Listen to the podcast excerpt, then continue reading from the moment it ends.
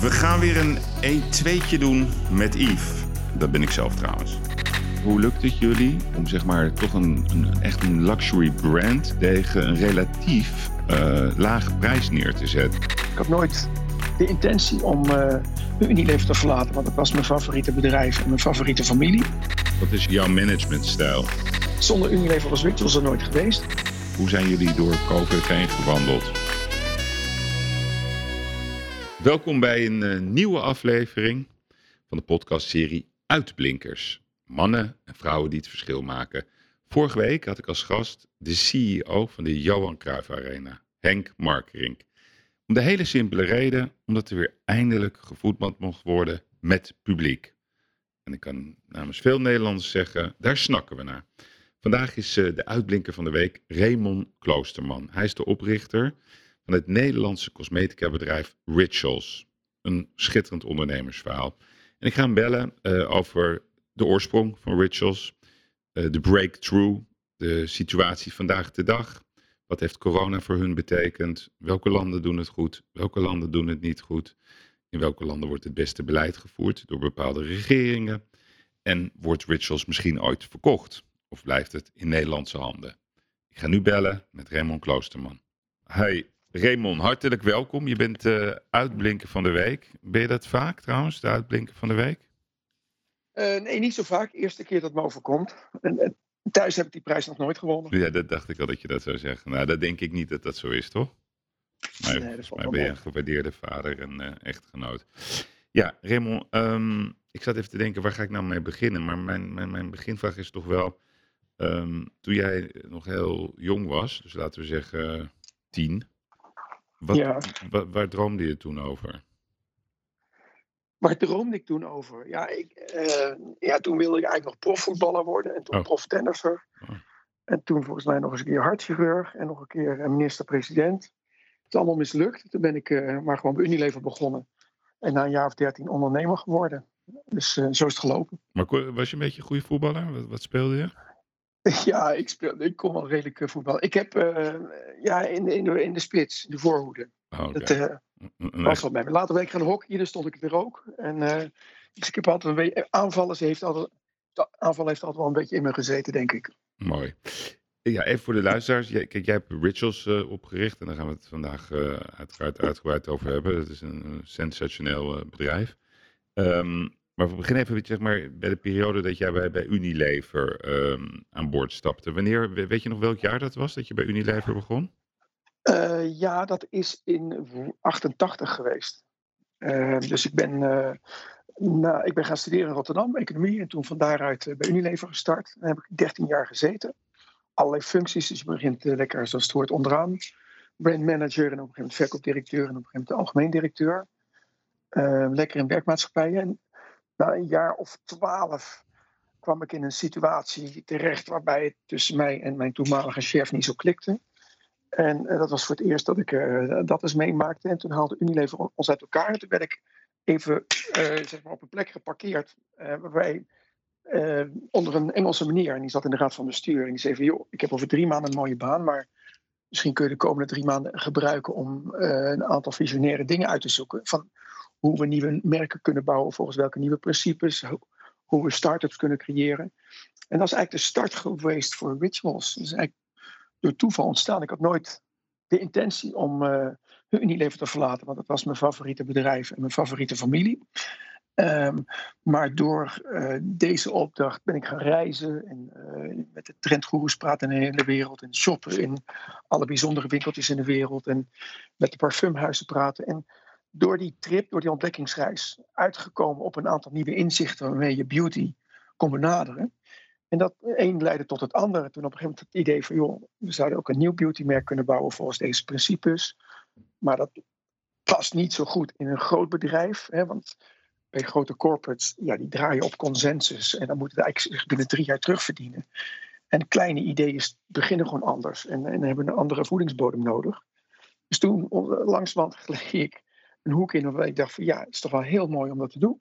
Mhm. Maar ook wel heel mooi om het dan buiten een corporate omgeving te doen. En zo is het eigenlijk eh, in, in, in een nutshell ontstaan. En, nutje- en, en toen, toen jij bij, trouwens even iets anders, toen jij bij Unilever zat, zat daar werkte toen Mark Rutte daar ook? Ja, volgens mij wel. Ja, ik ben nog wel eens bij een torentje geweest. Toen uh, Ja. kreeg ik ook een kop- kopje koffie van hem. Zei, ja, net zoals vroeger moest ik ook koffie voor je halen. Maar dat is een flauwe grap. Nee, ik, wij zaten samen bij eh, Van den Berg, eh heette dat toen. En eh, hij zat aan de HR-kant.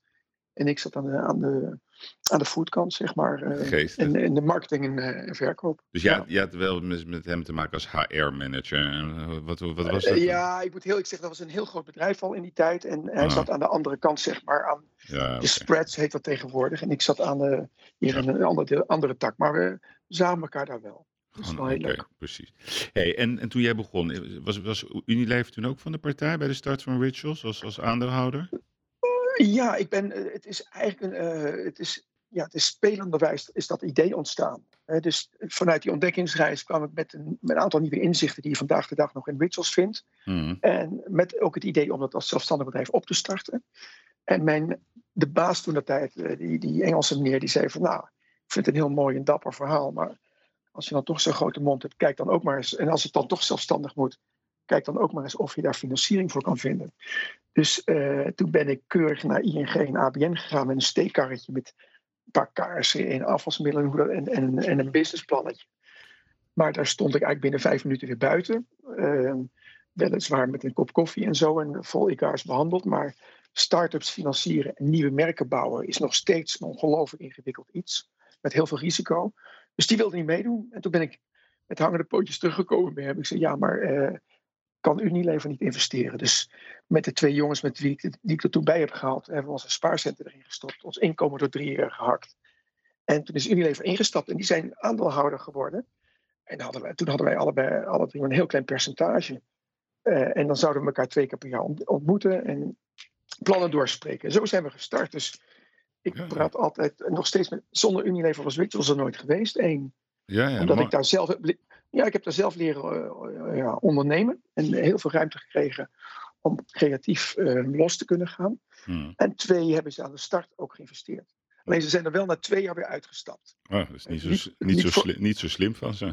Ja, maar, maar toen, toen was het wel een verstandige beslissing. Het liep voor geen meter de eerste jaren.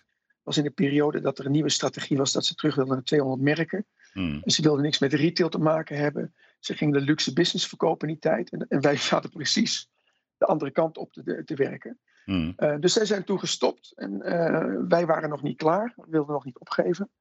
Toen hebben wij de aandelen teruggekoopt, gekocht. En, eh, en, en zo zijn we verder gegaan. Dus Rituals is altijd zelfstandig geweest. Maar vanaf dag één. Maar sinds een jaar of 18 eh, z- zonder Unilever. Ja, ja.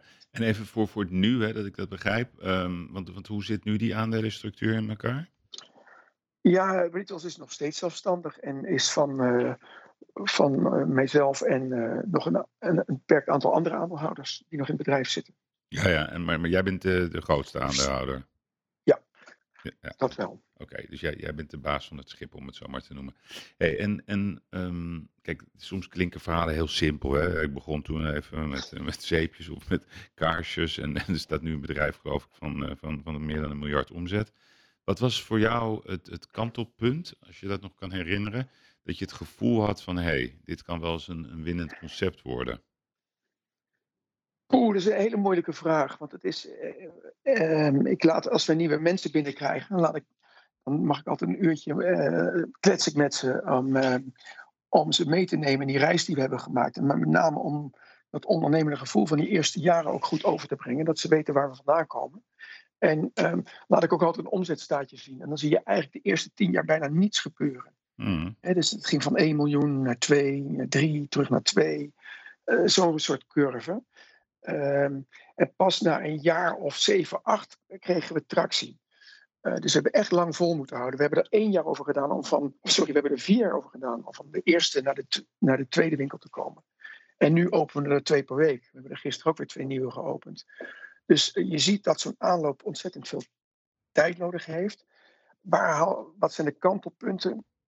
ik denk na een jaar of drie, vier, eh, toen we ehm, voor het eerst wat winkeltjes erbij gingen. ehm, en ik op de Libellenbeurs eh, liep. En daar stonden we met een stand. En toen was het overal leeg. En in één keer, en onze stand stond stampvol.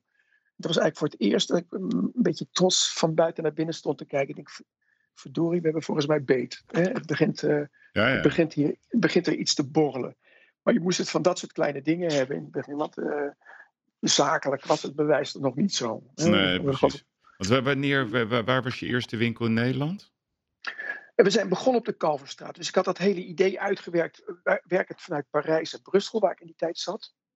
En toen dacht ik van ja, het moet een onafhankelijk bedrijf worden. Ik denk, nou dan ga ik in Nederland starten. En dan, is er maar, dan moet je ook echt een statement maken. Dus we gaan gewoon op de duurste winkelstraat zitten, de Kalverstraat. Mm Om te laten zien dat we er zijn.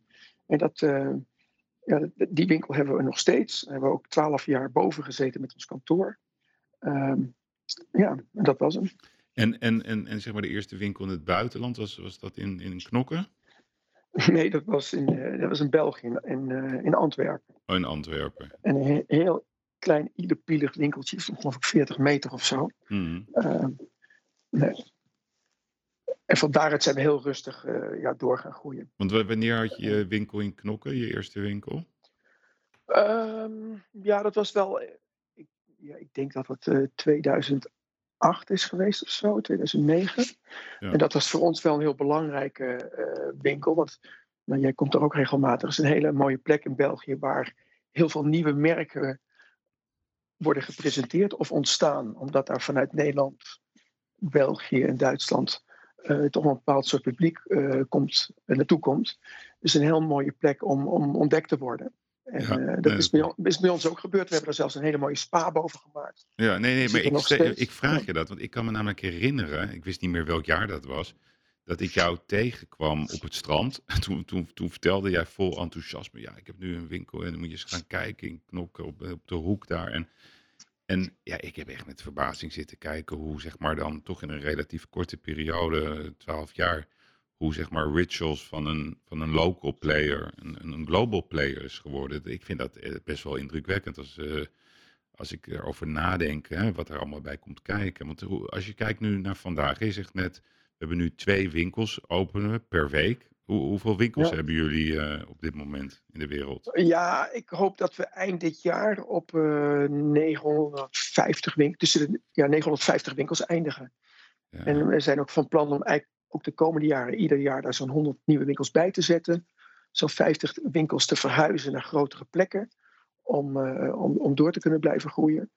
En ook om ervoor te zorgen dat we op zo'n nog eens zo'n 200, 300 luxe warenhuizen, parfumeriezaken eh, terechtkomen. Mm Dus wij zetten heel nadrukkelijk in op, dat heet dan tegenwoordig heel luxe omnichannel. Mm we, we, willen onze klant eh, op verschillende plekken bedienen. Dus dat is gewoon eigen winkels. Dus je, je uithangbord, zeg maar. Daar kun je het merk in al zijn dimensies beleven. En dan hebben we de, de, de en de parfumeriezaken in de wereld. Daar kunnen veel mensen het ontdekken en heel makkelijk ook nog weer bijkopen. En dan hebben we natuurlijk uh, e-com als, uh, ja, als belangrijkste nieuwe kanaal. De, wat al die andere werelden met elkaar verbindt. En op die kanalen zetten we heel hard in. Eigenlijk vanaf jaar één, toen, want toen we startten in 2000, waren we heel ja, uniek toen al. Omdat we ook toen in onze eerste winkel al twee grote internetstations op de tafels hadden staan. En interactieve schermen om de producten te ontdekken. En dat was toen de tijd ver vooruit. We hadden ook een catalogusbedrijfje erbij en een internetbedrijfje. Dus het begon eigenlijk al een beetje op, dezelfde manier als nu, omnichannel. Alleen toen werkte het voor geen meter. En, uh, en nu is het een heel succesvol model. Ja, kijk, dus als je kijkt, je hebt dus 950 winkels. En, en, en, en andere channel is dan zeg maar gewoon het online. Hoe, hoe groot is procentueel uh, online op dit moment binnen de keten van ja, Rituals? Nou, dat heeft natuurlijk dankzij COVID een enorme sprong gemaakt. Wij doen nou, zo'n 20, 25 procent van onze omzet via rituals.com.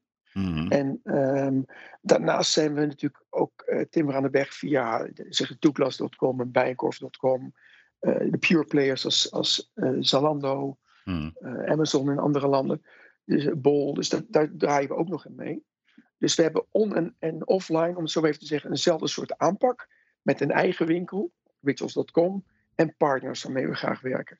En dat doen we natuurlijk uh, ook offline met eigen winkels en uh, een Bijenkorf en een, en een Douglas waarmee we graag werken. Ja, en als je het bekijkt in het wereldbeeld, hè, dus, dus zeg maar, hoe, hoe groot is Nederland ja, procentueel van, van, van, van, jullie marktaandeel?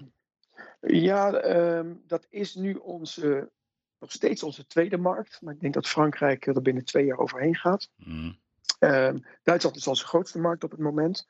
Eh, maar Nederland is toch nog steeds, eh, wat zal het zijn, een ehm 15% van onze omzet of zo. Dus wel serieus. En, En, en, we zijn eh, inmiddels in 30 landen actief. ja, ja, en dat is een hele, hele mooie mix tussen aan de ene kant landen waar het merk mature is, hè, waar je heel erg moet innoveren en eh, moet investeren om lekker die groei vast te houden.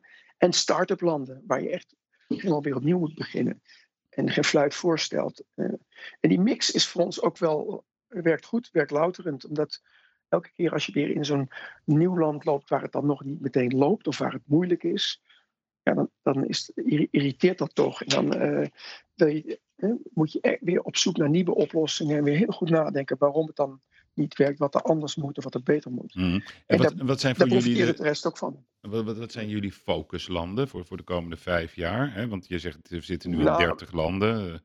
Nederland Ja, is groot, Frankrijk, Duitsland, België. Maar Ja, we zitten.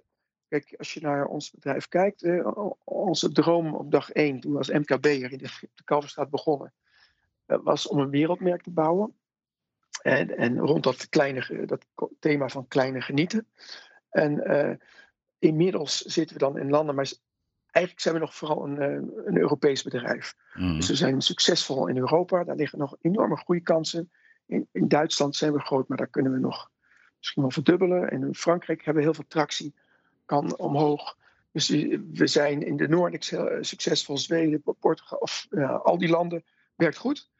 In Europa moeten we nog naar Italië, moeten Polen nog in, moet Rusland nog in. Dus daar ligt nog een eh, flinke kluif voor de komende jaren. Mhm. Eh, maar als je nou kijkt naar de langere termijn, ja, dan is de echte examenopdracht natuurlijk Azië openbreken en daar eh, een plek veroveren.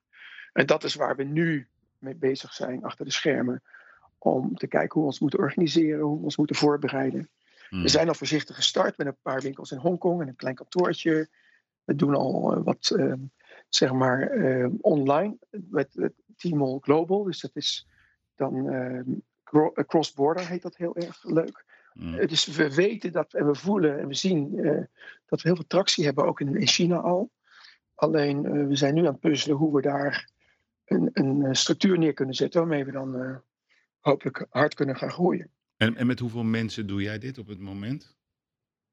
Ja, we hebben nu een kantoor hier in, in Amsterdam op de grachten. En eind van dit jaar zitten we toch met een eh, kleine 700 mensen al. Dus het is echt gigantisch Ja. voor, een, eh, voor, een, voor een beautymerk. Dus dat baart ons ook af en toe wel zorgen. Mhm. Ehm, maar aan de andere kant met de am- ambitie die we hebben en de plannen. En, en eh, ja, hebben we deze club gewoon nodig om, dat, om vooruit te kunnen blijven gaan. Dus we investeren heel veel natuurlijk in innovatie, maar ook in onze organisatie. Omdat we vooruit willen. Ja, want kan je dat eens uitleggen? Kijk, je, je hebt een keer in een interview gezegd dat je, dat je graag eh, het start-up gevoel wil vasthouden. Hè? Dat, dat, dat begrijp ik Ja. wat je daarmee bedoelt.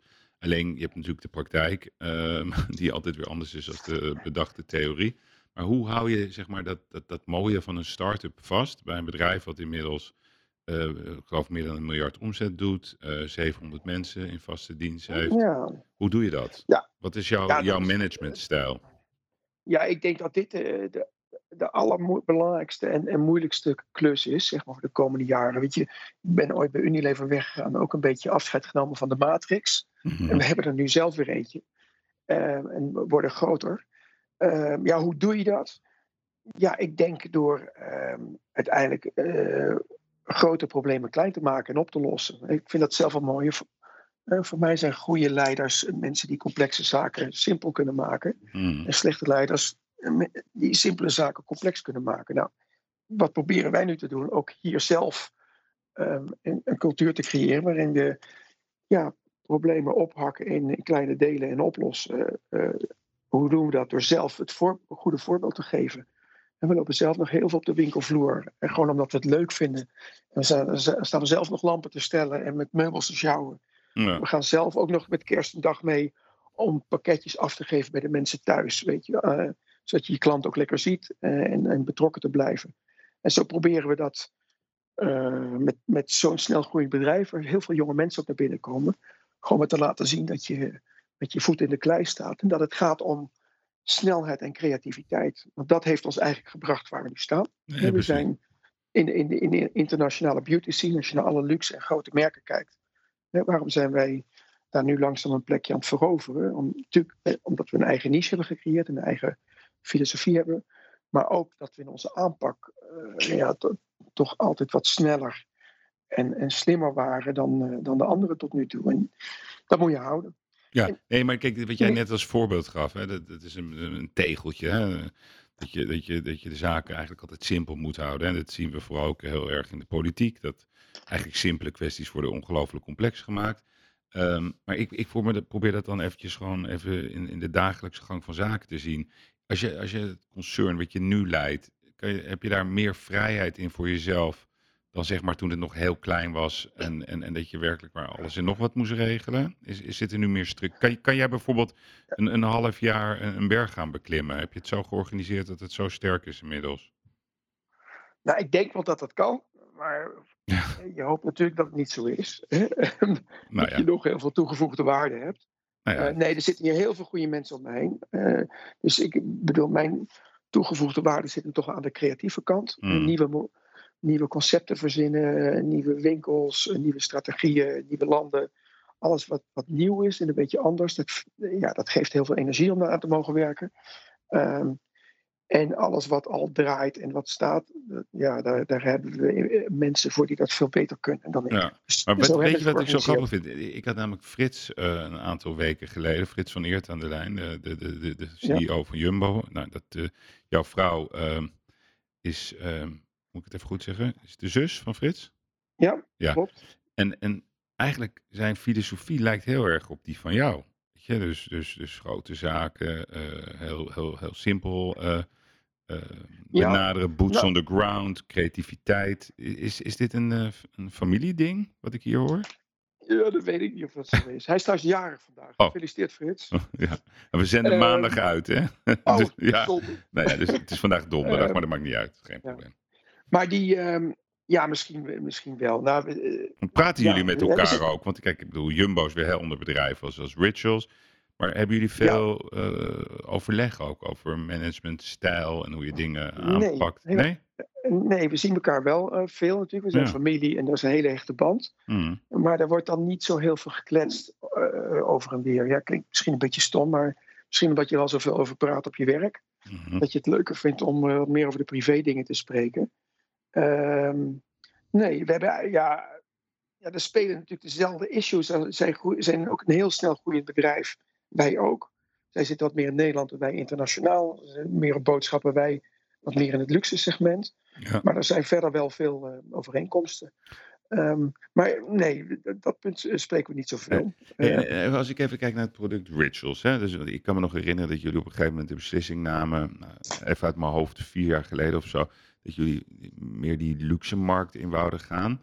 Um, hoe, lukt ja. het, hoe lukt het jullie um, om zeg maar toch een, een, een, echt een luxury brand tegen een relatief uh, lage prijs neer te zetten? Hè? Dus als ik zie het segment ja. waarin jullie actief zijn, met, met de grote luxe merken waar jullie mee moeten concurreren, um, ja. dan, dan vind ik het wel knap dat jullie die, die awareness heel high-end hebben neergezet.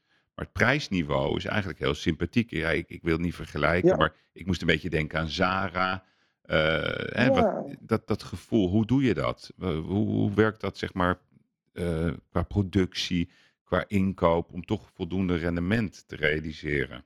Ja, dat is een mooie observatie. Toen, toen we met Rituals begonnen, zat er een aantal inzichten zeg maar, aan de basis. Eén was die filosofie van het kleine genieten en van routines weer rituelen maken. Twee is een combinatie van home en body care. Dat was heel uniek in de wereld. Uh, en die derde was eigenlijk precies wat jij net omschrijft. Uh, de wereld van prestige uh, bereikbaar maken voor een faire prijs. heel veel mensen vinden het niet goedkoop, maar wel fair voor de, voor de kwaliteit die ze, die ze krijgen. Hmm. En dat, ik ben toen inderdaad een van mijn inspiratiebronnen was Sarah, die dat in, in mode hadden gedaan. En, ik, en niemand had dat nog in beauty gedaan. Dus toen wij startten was dat ontzettend moeilijk, want je wil dan als het gaat om de productkwaliteit, ja, is de benchmark gewoon, ja, dat zijn de, de Chanel's en de Yours en, en Diptyques als het gaat om kaarsen van deze wereld. Mm. Um, Dus die, je moet investeren in dure ingrediënten, in luxe parfums, in dure verpakkingen. Het moet allemaal kloppen. En qua prijs wilden we wat meer uh, ver en in het midden blijven. Uh, ja, nu gaat dat goed, maar in het begin is dat ons razend moeilijk, omdat je hebt geen schaal. En dat is ook de reden waarom we die eerste jaren het zo moeilijk hadden en onszelf staande wisten te houden met het verkopen van kerstpakket om tijd te winnen. Maar uh, nu is het ons gelukt, doordat we in, in heel veel landen actief zijn, is, gaan toch je volumes omhoog. En kun je door de grote volumes uh, en door het feit dat je veel minder adverteert dan alle anderen, uh, naar een prijspunt komen wat, wat past. Mm. En wat we eigenlijk met, met rituals hebben gedaan, en Nespresso heeft dat in koffie gedaan, denk Ja. ik, vind ik een mooie metafoor. Ja, ik ook. Uh, wij hebben eigenlijk basiscategorieën, misschien wel als uh, persoonlijke verzorging en douche en bodycare en uh, spullen voor je huis. Um, op een heel nieuw niveau neergezet. En op een manier dat het plotseling een leuk cadeautje werd. En waarop je het kon kopen en verkopen bij de bijenkorf. Mhm. En uh, daarmee hebben we eigenlijk een nieuw segment gecreëerd. Dat heeft heel lang geduurd. In het begin werden we ook een beetje uitgelachen. Waar we op de MBA's uh, waren er cases waarom rituals niet zou lukken, omdat je moest kiezen, luxe of, of goedkoop. Maar tegenwoordig is het denk ik een van onze geheime wapens. Het, het feit dat wij met die, met die middenprijspositie uh, iets heel bijzonders maken. Dus elegante winkels, elegante producten, uh, allerbeste parfumeurs ter wereld die eraan werken. En dan toch proberen een, een, bereikbare prijs te doen. Ja, en, en waar produceren jullie? al je producten? Wij proberen alles in Europa. Dus de, de beste uh, fabrieken of laboratoria waar skincare wordt gemaakt, die, die, selecteren we, zoeken we uit en met hun ontwikkelen dan zaken. En dat doen we ook voor kaarsen en, en bodycremes en uh, alles. Maar we, doen, we houden het dicht in Europa. Hmm. En waar, waar kom je dan terecht? In welke landen zit je dan? Wat zijn de landen? Nou, welke landen niet? We werken Duitsland, Portugal, Nederland, Zwitserland. ja, overal eigenlijk waar, de, waar de beste fabrieken en laboratoria staan. En, en... Dus wat we niet, we hebben dus geen eigen fabrieken. Dat was ook een van de overtuigingen van het eerste uur. Zo ben ik gestart van joh, als je een nieuw merk wil bouwen, dan is het hebben van de retail-omgeving, de, de hele, het omveld waarmee een klant jouw product ervaart, belangrijker dan het hebben van je eigen supply chain, je eigen fabriek. Hmm. En uh, vanuit die visie zijn we gaan werken. En uh, nu hebben we dus 80 uh, fabrieken die ons ondersteunen. En, en dat werkt heel goed. Dus we hebben alles geld geïnvesteerd aan de voorkant in luxe winkels en mooie winkels. En niet zozeer in het hebben van eigen distributiecentra, transport mm. en of fabrieken. Ja, en, en als je de, zeg maar die, die duurzaamheidsdruk, hè, die op steeds meer bedrijven ligt. Hoe, hoe, hoe gaan jullie daarmee om als Ritual? Ja, um, dat zit uh, heel erg in ons DNA, uh, Yves. Dus we, heel veel mensen uh, vinden, of we, denken, weten, vinden dat Rituals een heel groen en sustainable merk is. En ja, dat betekent ook dat we daar keihard aan moeten werken om dat, om, om dat waar te maken. Maar wat is dus dat? Gezegd, Kijk, dat, is, nou, dat ben ik nog steeds nou niet achter. Wat, wat, wat, is, wat is nou precies ja, een groen goed, merk? Aan de voorkant, uh, ik zal proberen het uh, ja. simpel uit te leggen, maar aan de voorkant willen we natuurlijk gewoon luxe en mooi en lekker ruiken en alles moet kloppen.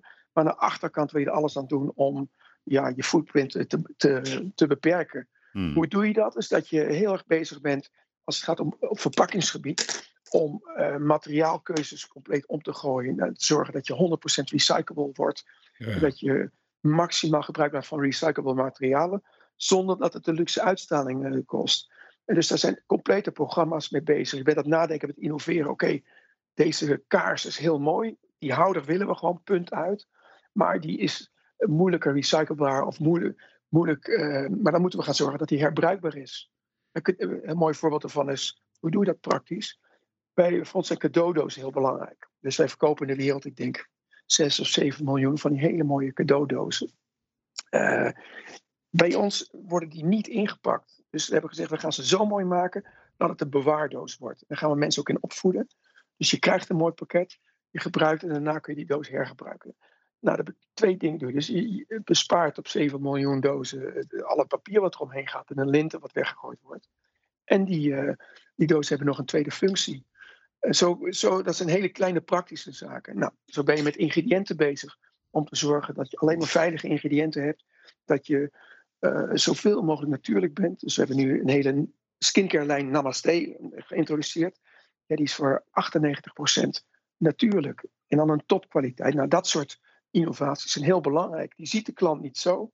Uh, maar achter de schermen is het wel de goede kant op.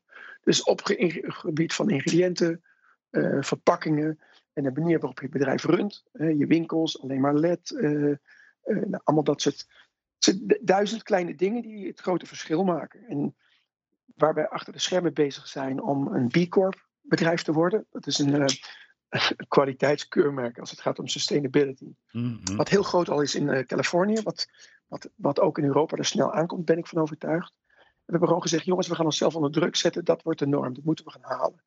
Daar zijn we nu al twee, drie jaar keihard mee bezig. En die, die hebben eh, waanzinnige eisen op alle gebieden. van hoe je je personeel omgaat, met je klanten omgaat, met je verpakking omgaat, ingrediënten, et cetera, et cetera. Wat je terug doet voor de maatschappij. Al die dingen moeten kloppen. En als je dat klopt, en je scoort er voldoende, dan krijg je, dan krijg je een diploma. Hmm. En we hebben, we hebben gezegd, doen we gewoon. Dat zegt in Nederland nog niks, maar het, uh, het duwt ons zelf uit de comfortzone. Het dwingt ons om extra stappen te maken. En dat begint zich nu uit te betalen. Want het is de sport bij ons in de ontwikkelingsclub. Als we het innoveren zijn, dan hebben we en een hoop lol in die meetings. Maar we zijn ook altijd wel bezig. Oké, wat maakt het nou zo speciaal voor een klant? Waarom wil ik dit zelf hebben? Hmm. Waarom is het anders en beter? En, en de tweede vraag is dan van ja, en, uh, klopt het achter de schermen ook? Ze hebben daar ook verder dan de rest. Mm. Ja, dat is een, heel mooi spanningsveld. Wel lastig, maar. Ja, ik kan me mooi... voorstellen dat het natuurlijk ook enorm veel regelen. En eens even over die, die, de invloeden van COVID. Hè? Ik kan me herinneren dat uh, toen het begin uh, was jij geloof ik zelfs boos. Uh, denk je, ja, twintig jaar me werkelijk waar godganse in de ronde gewerkt en komt dit er overheen. Hoe heb je de vertaalslag gemaakt, zeg maar, van, van die keiharde crash, hè, toen, toen het allemaal duidelijk werd, naar, naar, naar, zeg maar, naar een, een, jaartje verder? Hoe zijn jullie door COVID heen gewandeld? Ja, uh, met, met, ups en downs heet het dan. Hè? Dus wat jij zegt, dat klopt. De eerste twee weken was ik echt boos en, en soms ook verdrietig.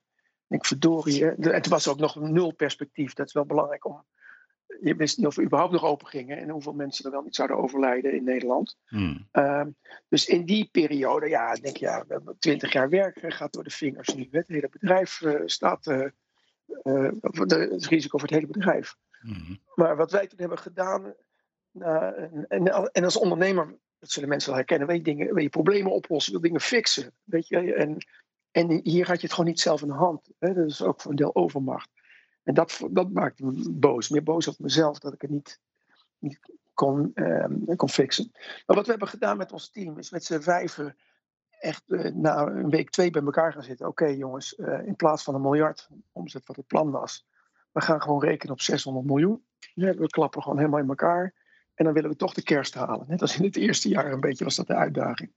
En wat moeten we doen? Oké, uh, en toen hadden we eigenlijk in, in no time, in een paar uur tijd met elkaar dat gat dichtgefietst. En, en dat betekent uh, al je investeringen naar nul. 100 winkels niet openen. Uh, je, al je marketinginspanningen naar een minimum.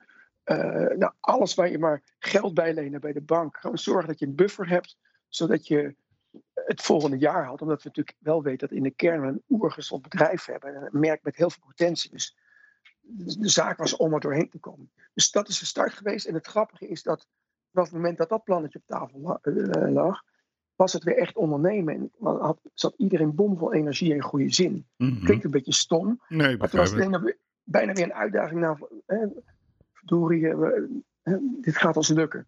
En, en, wat hebben we toen gedaan? Ja, één club, daar ben ik zelf wel heel trots op, uh, onder leiding van uh, PA Simone. die besloot, die kwam bij mij van, joh, we willen wat doen voor ziekenhuizen, we kunnen niks doen mogen pakketten gaan maken. En die hebben hier in de kelder op het nieuwe kantoor zijn ze 200.000 van die pakketten gaan maken gaan brengen. Naar zorgmedewerkers. Een beetje het gevoel van dat doen we in ieder geval nog wat nuttigs. En dat die omzet, of die producten zijn toch al betaald.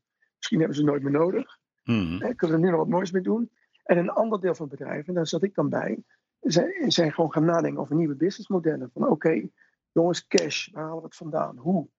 wie, uh, wie roept? En dat heeft eigenlijk toe geleid dat we een aantal modellen eh, versneld hebben ontwikkeld. Ja, en dat pakt niemand ons meer af. Waar heb je het dan over? Uh, Online natuurlijk. collect. Ja, online hebben, is natuurlijk gaan vliegen, maar ja, dat is logisch, bij iedereen gebeurt. Hmm. We konden op dat moment bijna de eh, hadden we onvoldoende capaciteit. Dus toen zijn we gaan werken aan VIP sales. Hè. Dus kunnen we mensen op, via internet uitnodigen een afspraak en bedienen. Nou, dat hebben we voordat het nu moet hè, in Nederland. We hebben vorig jaar iets van 70.000 afspraken gehad. Eh, in, eh, we zijn gaan werken aan ship from store. Dus je internet eh, doorlussen naar een lokale winkel. Daar eh, werd die opgepakt. Leuke tekst op het tasje. With love from de Van Baarlestraat, om het zo maar even te noemen. En op het fietsje even brengen. Heel veel goedwil bij klanten. En lekker voor je energie, want je doet wat.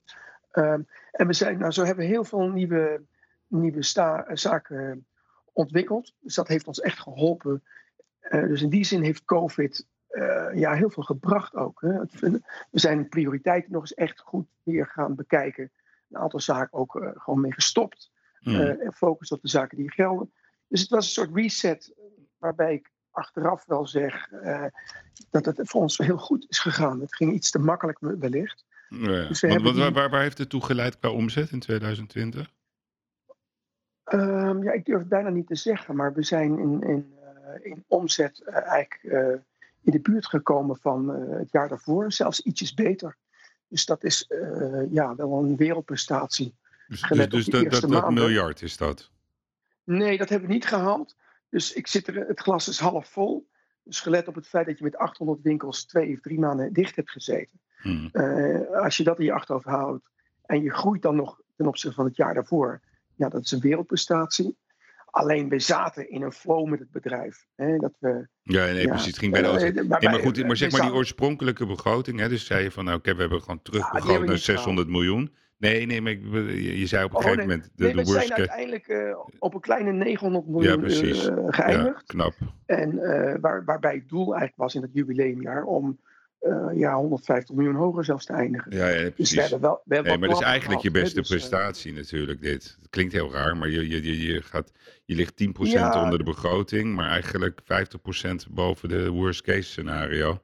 Ja, zo is het. Dus Knap. wij waren ook allemaal, keken met trots terug. En ik had een paar collega's die zeiden, joh, zakelijk niet het leukste jaar, maar inhoudelijk een superjaar. Weet je wel, Tuurlijk. echt weer op onze tenen lopen. Ja. Weer echt ondernemen, weet je. Dus dat geeft ook, eh, het geeft ook wel spirit. En je komt als team ook weer dichter bij elkaar. En, eh, En, en de winsten Eh, ook gewoon op, ja. op, op peil, kunnen houden. Want, wat, En winst hebben we ook op peil kunnen houden. Alleen dat gebeurt wel met kunst en vliegwerk. Je, moet, Mm. eh, je wil wel geld bij moeten lenen. Je hebt, alle, je hebt heel veel zaken geschrapt. Die je normaal gesproken niet zou schrappen. Omdat die voor de lange termijn van belang zijn. Hmm. Dan heb je het over merkondersteuning in, in die 30 landen. Eh, dan heb je het over een aantal zaken op organisatiegebied. Eh, dus, die, dat heb je, dus in die zin heb je die winst kunstmatig op peil gehouden. Want wat, dat waar moet ik aan denken? Aan 5% winstmarge in jullie eh, branche? Ehm, nee, die is wel hoger. Ehm, dus die, eh, ja, dan gaan we, ja dat, eh, dat kun je opzoeken bij de Kamer van Koophandel. Ja, we, we hebben een ik heel vraag het heel het liefst, aan, het liefst aan de CEO. Ja, maar even om, om aan te geven. Dus wij moeten die winst ook maken. En heel vaak hebben mensen dat niet door die buiten zitten. Nee, dat begrijp De ondernemer winst wel. Omdat wij dit jaar weer 100 winkels willen openen. Weer Ja, nee, 200 maar nieuwe het- producten willen. alsof, alsof weer- je moet schamen En weer hoge 2000 winsten. mensen aan willen nemen. Nee, tuurlijk. En dat kan al, dus dat kan alleen maar als je je winst goed op peil. En daarom zijn we gaan schrappen. Ja. In een aantal zaken waarin we niet wilden schrappen. Om dat voor elkaar te krijgen. Maar goed, dus, de, dus tussen de 5 en de 10 procent winst, dan zit ik toch wel warm, toch? Ten opzichte Ja, van de omzet. Dat is conservatief. Ja, oh. Jeetje, knap. Nee, ja. Heel knap. Want als je... Ja, nou, dat, dat, ja, maar dat hebben we nodig in deze branche. In Ja. zo'n snel groeiend bedrijf moet je eh, die winst eh, gewoon maken. Eh, om, om dit spel te blijven spelen. Hè. We zitten, ik heb het wel eens, ik noem het intern wel eens, ja, we zitten in een Formule 1 sec- eh, wereld. Waarbij je continu investeert in de allerbeste wagen. Continu alle schroeven weer opnieuw aandraait. Eh, heel veel risico neemt door winkels te openen, mensen aan te nemen. Hmm. Maar daardoor groei je ook heel hard. Ja. Dus als, als een van die twee ophoudt, of als je een van die twee, of die zijn met elkaar verbonden. Dus als we niet investeren, groeien we ook niet meer zo hard. Nee, Dan kom je in een heel ander model. Dan ga je op kosten, dan ga je marges, kosten, alles optimaliseren. En wij zitten veel meer in een eh, investeringsmode, in een groeimode.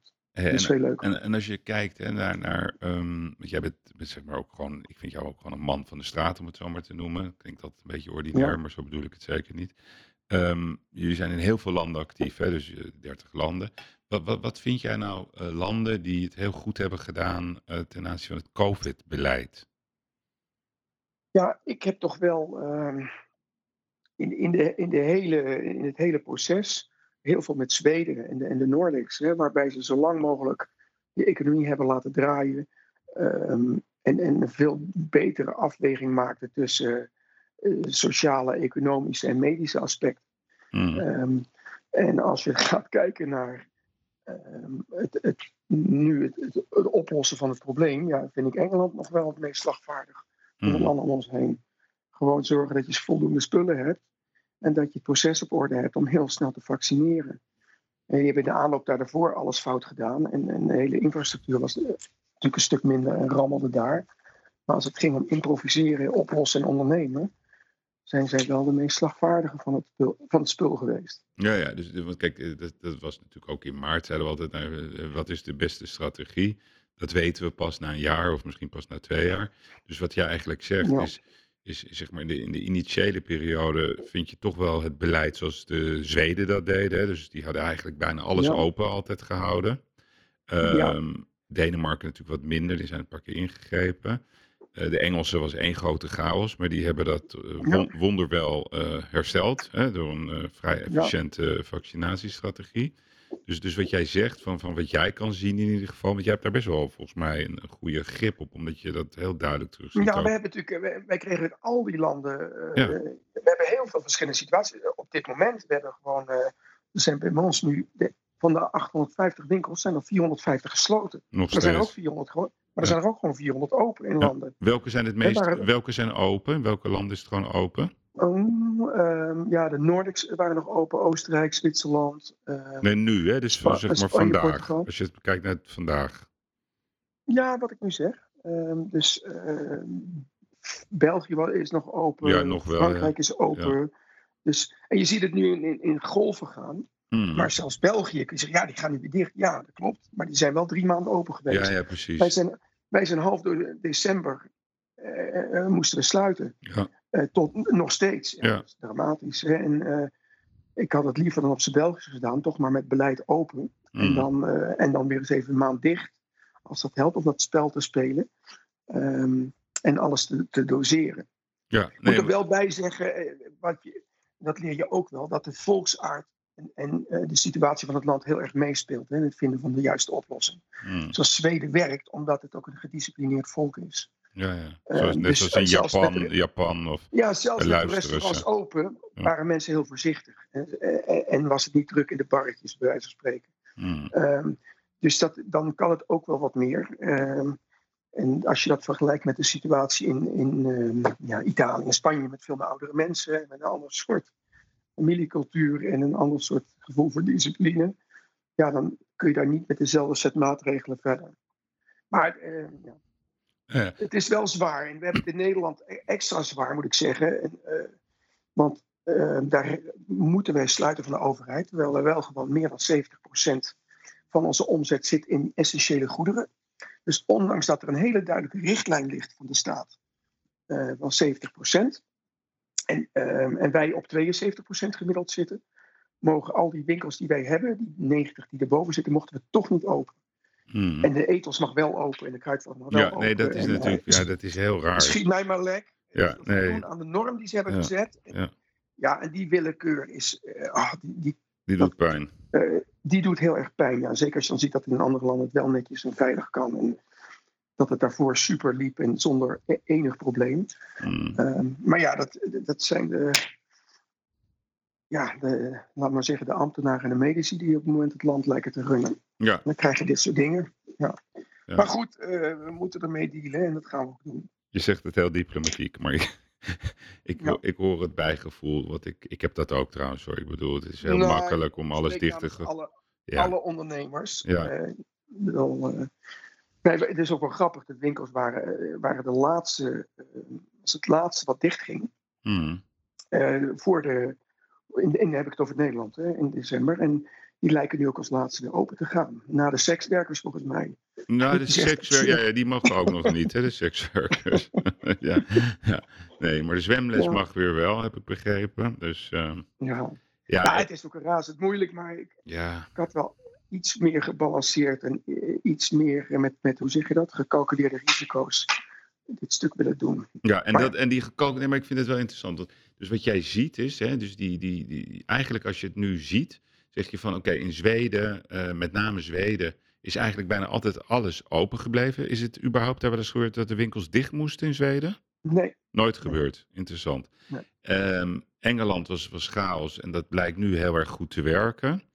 Eh, België bijvoorbeeld, zeg jij, die, die zijn heel lang goed open. werken, Yves, eh, als het gaat om vaccineren en het Nee, naar maar een oplossing toewerken. Begrijp ik. Nee, maar goed, die oplossing. Ja, ik bedoel, Boris Johnson die riep van Ja. we gaan 21 juni eh, gooien we alles weer open.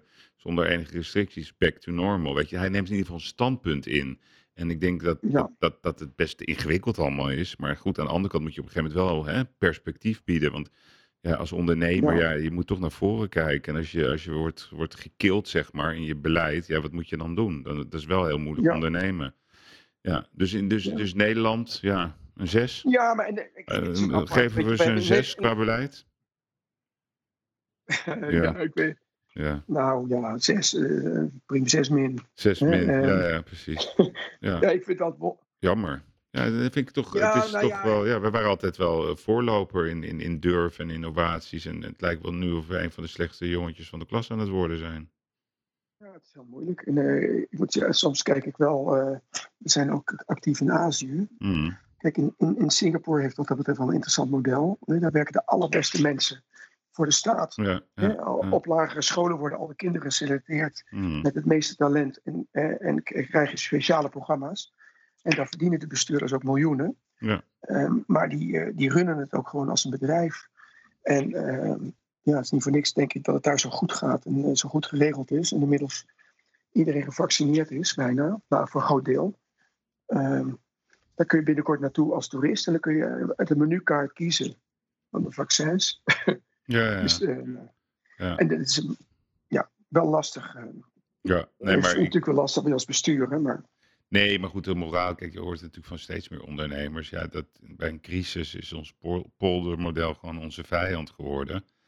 En ja, Ja. dat is gewoon, ja, dat, dat, dat, dat moet anders. Ik bedoel, eh, er is ook geen ruimte, zie ik, voor, voor, voor ondernemend denken vanuit Nederlandse politiek. Het wordt alleen maar meer regels, strenger. En dan zeggen ze weer dat we eh, wijzen Ja. op onze verantwoordelijkheid. Dan denk ik, ja, hoeveel verantwoordelijkheid wil je Ja. dat we nemen? Hè? Het is, eh, ja, ik kijk er met pijn in de ogen naar, maar goed. ja, het is het duivels dilemma. Ik, Ja. ik snap dan nooit waarom kunnen wij het niet zo doen als België of Frankrijk. Dus 30 kilometer verderop. Ja. Of 100 kilometer verderop. We zijn wel, eh, wel met beleid en met alle regels zijn, en dat werkt prima. Mm. Gewoon, eh, kunnen ondernemers in ieder geval wel hun spulletjes verkopen en door. En zijn ze minder afhankelijk van steun. Mm. Ehm, Maar goed. en eh, ja, maar het is wat het is. Dus, Ja. eh, Even naar de, even toekomst. Hè? Ja, laten we hopen Ja. die paar maanden. Eh, de toekomst. Ehm, rituals. Gebeurt het al veel dat private equities, eh, bedrijven of concurrenten op de deur zitten klo- kloppen bij jullie? Ja, ik zou zeggen, het zou niet, ja, dat is wel veel gebeurd al. Ja. Dus alle ja, de, grote jongens, private equity jongens zijn wel langs geweest de afgelopen jaren. Mhm. Eh, maar daar heb ik elke keer keurig netjes hetzelfde verhaal verteld. Dat we heel graag zelfstandig blijven en op eigen kracht de komende 10, 20 jaar door willen groeien. Als het ons gegeven is. Ja, want dat betekent, En zeg, dat- zeg dat jij hiermee van eh, we, zijn gewoon niet te koop? Ja, dat zeggen we. Ja, eh, zegt nooit nooit, maar in principe is dat het verhaal. Mhm. Het lijkt mij, eh, dit is wat ik leuk vind. We hebben een ongelooflijk leuke club mensen. We hebben ontzettend veel lol. We hebben nu na tien jaar eindelijk tien, hebben, we- succes. We hebben nog een waanzinnige, ja, paar mooie, paar, paar waanzinnige uitdagingen liggen. Dus ja, eh, waarom zou iemand zo'n bedrijf verkopen? Mhm.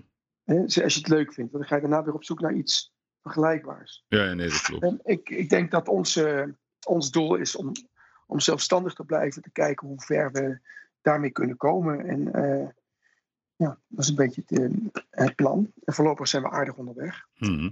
Want is dat, is dat een harde wereld, die, die, die cosmetica wereld?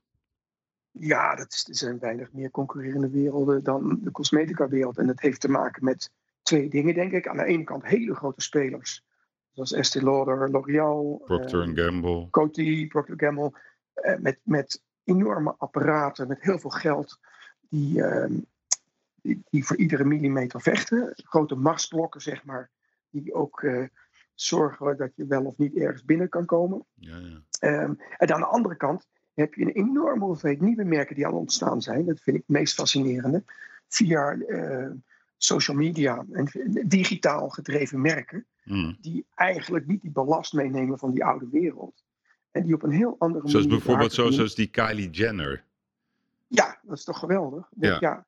Dat- is een dame van, eh, van 19, van beroep dochter. Ja, eh, bekend van tv. Ja, van de Kardashians. Ja. ga- ja, gaan een paar slimme mensen omheen zitten. En die, die heeft dan eh, wat, ik weet, 100 miljoen volgers.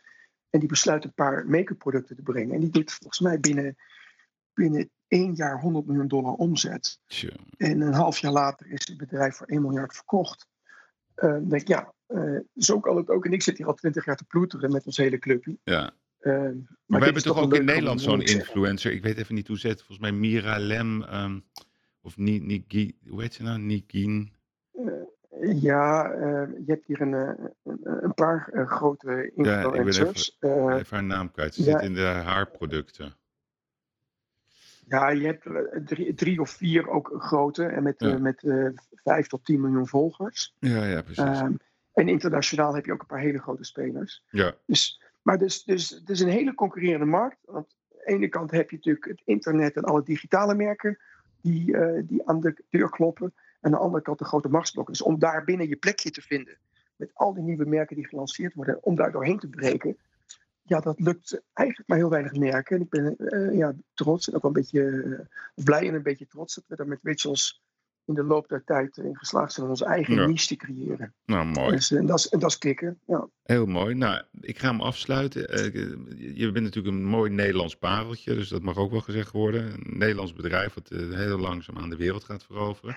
Ehm, wat zou nou jouw ondernemerstip zijn in 2021 aan, aan jonge, bruisende ondernemers die denken van ik ga nu een mooi bedrijf uit de, uit de grond stampen. Wat, wat, wat is dan het tegeltje wat je die mensen meegeeft? Wauw. ehm, ja, ik misschien wel het tegeltje wat ik, eh, of, of zeg maar de spreuk die op mijn eerste businessplannetje stond, eh, letterlijk. En dat stond, if you can dream it, you can do it. Dat is van Mm. Walt Disney. Hmm, Eh, als je het voor je ziet, ja, dan, en dat is voor de meeste mensen toch het probleem, hè, de, de verbeeldingskracht. Maar hmm. als je dat hebt en je ziet het, ja, je, je kan het hè, gewoon, gewoon doen, lopen en nooit opgeven. Hè, want in ons geval ook, het heeft zes, zeven jaar geduurd voordat we een klein beetje winst maakten. Voordat we überhaupt het idee hadden dat het wat kon worden. En dat is voor, ik denk, de meeste start-ups zo. Hè. Er zijn er maar heel weinig een instant succes. Maar degene die het langst volhouden, die, eh, die komen er. Ja, dus don't, En misschien ook nog wel een tip, eh ondernemers topsport. Dus daar, ja. Ja, dat heb je ook die 10.000 regel- 10.000 euro regel in topsport. Maar die geldt ook voor ondernemen. Ja, nee, maar dat is zeven kost dagen per week. Ja, nee, maar dat is zo. Ja. Het is gewoon zeven dagen. Maar, dus, maar goed, in ieder geval tegeltje, don't dream your life, live your dream. Ja, die is ook mooi. Ja, een beetje maar dat anders. Maar Nou ja, een beetje you can do it. Is een beetje Ja. hetzelfde toch. Ja. Nou, ik wil je bedanken. Is er iets wat ik ben vergeten? Of is er nog iets wat je tegen mij wil zeggen? eh, nee, eh, volgens mij niet. Er liggen hele mooie paaseieren op dit moment in de winkel met Rituals producten erin. Oké. Een mooi prijs. En, en nog steeds eh, op afspraak, hè? en nog steeds op afspraak. Ja, nou, ik daar, zie ik En trouwens, daar zie ik trouwens ook alweer een enorm... ge- Ik ben vorige week gaan winkelen. En dan bij de ene winkel zeg je, goh, ik heb geen afspraak gemaakt. Oh, nou ja, wacht even, wacht even. Ja, er is niemand in die winkel. En dan zeggen ze, oh, het kan. En dan zie je bij de grote concerns, eh het moet echt geregistreerd worden. Dus daar zie je ook al dat het, ja, het, is, het is eigenlijk bijna niet te doen. Nee, wij, wij zijn inmiddels ook eh, een grotere speler. Dus wij moeten het helemaal netjes doen. Omdat, ja, want anders hang je eh, aan anders de ook een groot boom. risico hebt in Ja. publiciteit en dat soort Ja, zaken. je dat. Maar eh, als ondernemer eh, doet het elke keer wel pijn als je een klant ziet weglopen. Die niet geholpen wordt terwijl er een winkel leeg staat. Denk ik, ja, kan toch niet waar zijn. Maar. Mm. nou, tanden bijten, nog een paar maanden volhouden. Ja, en dan nou, we ga- klap- ga- ga door. Klappen we er weer op. En ik hoop voor jullie dat eh, 2021 een mooi jaar wordt. En knap hoe je er Ja, doorheen dat- bent gewandeld. Dat wordt het zeker. Oké. Yves, Bedankt Yves, dankjewel. Dankjewel. Bye bye. Hoi. Oké, fijne Hoi, dag. dag. Hoi. Dit was eh, de uitblinker van deze week. Raymond Kloosterman. Een inspirerende man.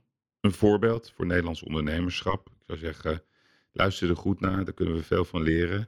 Ik zeg eigenlijk ook stiekem, Den Haag, luister ook een keer mee. Dit zijn eh, mannen die, wat mij betreft, prima zouden passen ook in het beleid van de overheid. Als er ook een beetje gekeken kan worden naar de ervaring, de daadkracht en de risico's die ondernemers durven te nemen en de oplossingen die ze meteen aandragen. Het tegeltje wat hij noemde, ik zou zeggen, hang hem op in het Binnenhof.